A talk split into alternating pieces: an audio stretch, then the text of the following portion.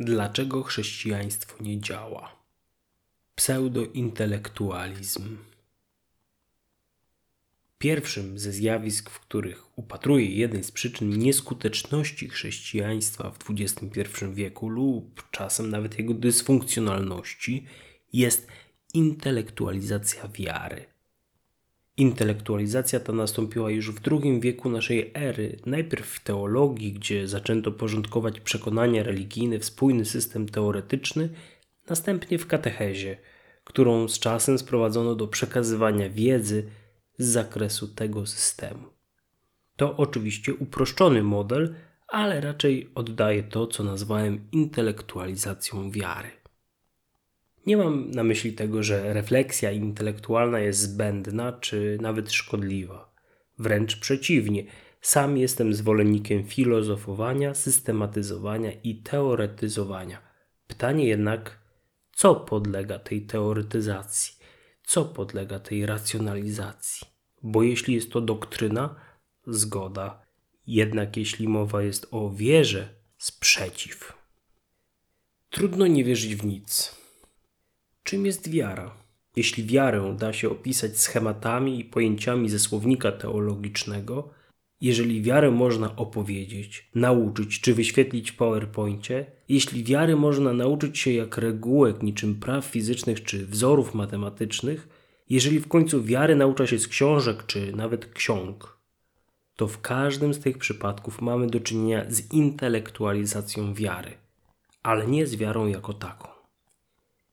Nie zdefiniowałem, czym jest intelektualizacja, ale wskazałem przykłady. Taki zabieg nie zamyka pojęcia, ale ukierunkowuje czytelniczki i czytelników na drogę moich skojarzeń z tym terminem. Dlaczego znajomości katechizmu nie można nazwać wiarą? Dlaczego znajomość Biblii nie jest wiarą? Dlaczego mówienie o Bogu nie jest nauczaniem wiary, a słuchanie uczeniem się jej? Ponieważ wiara jest relacją człowieka z Bogiem, a dokładniej otwartością w tej relacji. Relacja z Bogiem nie może być zamknięta w słowach, zdaniach, akapitach, podręcznikach od teologii systematycznej, czy nawet w starożytnych księgach. Jeśli by tak było, wiara byłaby dostępna dla bardzo wąskiej grupy ludzkości. Tylko dla Żydów, tylko dla piśmiennych, tylko dla tych, co usłyszeli, tylko dla tych, którzy się dobrze urodzili, akurat w dobrym punkcie czasoprzestrzeni, bardzo wybiórcze i niesprawiedliwe kryteria, jak na byt tożsamy z obiektywną i ostateczną sprawiedliwością. To, że wiarę można opisać, nie znaczy, że ona sama w sobie jest opisem.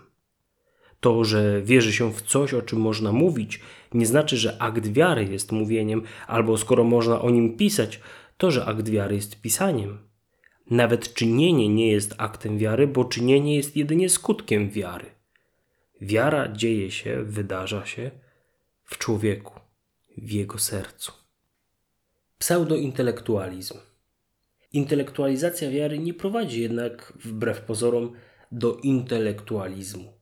Moim zdaniem bardzo często, poza pewnymi wyjątkami współczesnych wierzących filozofów, docieramy nie tyle do rozumu, co raczej do pseudointelektualizmu. Dzieje się tak dlatego, że myślenie religijne bardzo dobrze czuje się we własnym towarzystwie i nie znosi refleksji racjonalnej. Dlatego używa jej niekonsekwentnie, tylko wtedy, kiedy jest to przydatne do dowodzenia lub w cudzysłowie dowodzenia własnych, niedowodliwych doktryn. W ten sposób powstał na przykład kreacjonizm naukowy, który naturalnie nie jest naukowy, skoro odwołuje się do nienaukowej metodologii i błędu logicznego z niewiedzy, ad ignorantia. Taka ideologia oczywiście trafi na grunt osób niezaznajomionych z naukami szczegółowymi lub filozofią, dotrze do tych, którzy swój światopogląd opierają na filmikach z YouTube'a i książkach denominacyjnych, których autorzy z góry przyjmują za cel nie tyle dokonać rzetelnej analizy tematu, co obrony wcześniej przyjętego poglądu. Kult rozumu aktualnie jest już reliktem, bo konsumpcjonistyczne, postmodernistyczne czy nawet post-postmodernistyczne zachodnie społeczeństwo nie dąży za wszelką cenę do obiektywnej prawdy. Dąży natomiast do wygody, maksymalizacji dóbr, usług i przyjemności. Zakazy i nakazy religijne, a także instytucje kościelne niejednokrotnie stają na drodze do osiągnięcia wyżej wspomnianego celu. Więc chociaż statystyczny Polak XXI wieku nie interesuje się tak naprawdę badaniami naukowymi czy traktatami filozoficznymi, to chętnie z nich skorzysta, gdy nauka czy filozofia rozprawiają się z pseudointelektualizmem religijnym, tym samym poniekąd usuwając ich moc zakazywania i nakazywania. Pomylenie pojęć. Jak już wspomniałem, teologia jest dobra i potrzebna. Filozofia Boga oraz religii porządkuje sposób myślenia i mówienia. Jednak prawdziwa wiara nie jest wiedzą. Kościół nie jest uniwersytetem ani klubem dobrej książki. Duchowny nie jest wykładowcą akademickim, a wierni studentami. Mimo to chrześcijaństwo ciągle stara się pokazać jako bardziej intelektualne niż w rzeczywistości jest. Kościoły chcą i słusznie sprostać wyzwaniom rzuconym przez tzw. Tak nowy ateizm. Sam chętnie prowadzę dyskusje z przyjaciółmi i przyjaciółkami ateistami oraz ateistkami. Jednak to nie jest wiara. To są dyskusje dotyczące tego, co się myśli o Bogu, świecie i człowieku. Czy pierwsi chrześcijanie rozumieli dowód ontologiczny, kosmologiczny i teleologiczny na istnienie Boga? Czy znali teodyceę prywatywną, wolnej woli większego dobra albo koncepcję open theism? Czy gdy chrześcijanie płonęli na stosie, to płonęli jednomyślnie, każdy z nich dokładnie i dogłębnie rozumiał systemy teologiczne, posługiwał się niesprzecznie pojęciami i znał na pamięć całe pasaże świętych tekstów? Nie sądzę. Za takie coś się nie daje zabić. Jeśli chrześcijanie płonęli na stosach, byli rozszarpywani przez dzikie zwierzęta i krzyżowani, to na pewno powodem ich winy nie mogła być żadna, nawet najprawdziwsza koncepcja rzeczywistości. To musiało być żywe, emocjonalne i silne uczucie względem Boga, względem Chrystusa. To musiało być przeżycie serca, a nie rozumu. Pyrrusowy intelektualizm. Dzieci, jak i prozelici uczeni są rozmaitych formuł, doktryn, zasad interpretacji tekstów świętych oraz praw wewnątrzkościelnych. Ale bardzo często nie spotykają w tym Boga. Przychodzą, odchodzą albo zostają w kościołach, sądząc, że mówienie i czytanie o Bogu to spotkanie się z Nim. Dlatego wydaje się, że chrześcijaństwo nie działa, bo oferuje jedno, żywego Boga, a daje drugie, zracjonalizowaną i usystematyzowaną teorię o nim. Problem w tym, że jest to pyrrusowa racjonalizacja. Wydaje się, że chrześcijaństwo osiągnęło coś poprzez teorię, podczas gdy więcej straciło. Oferuje teorię rzeczywistości, ale ludziom potrzebna jest praktyka. Promuje intelekt, ale potrzebne są emocje. Ubóstwia wiedzę, ale potrzebna jest wiara.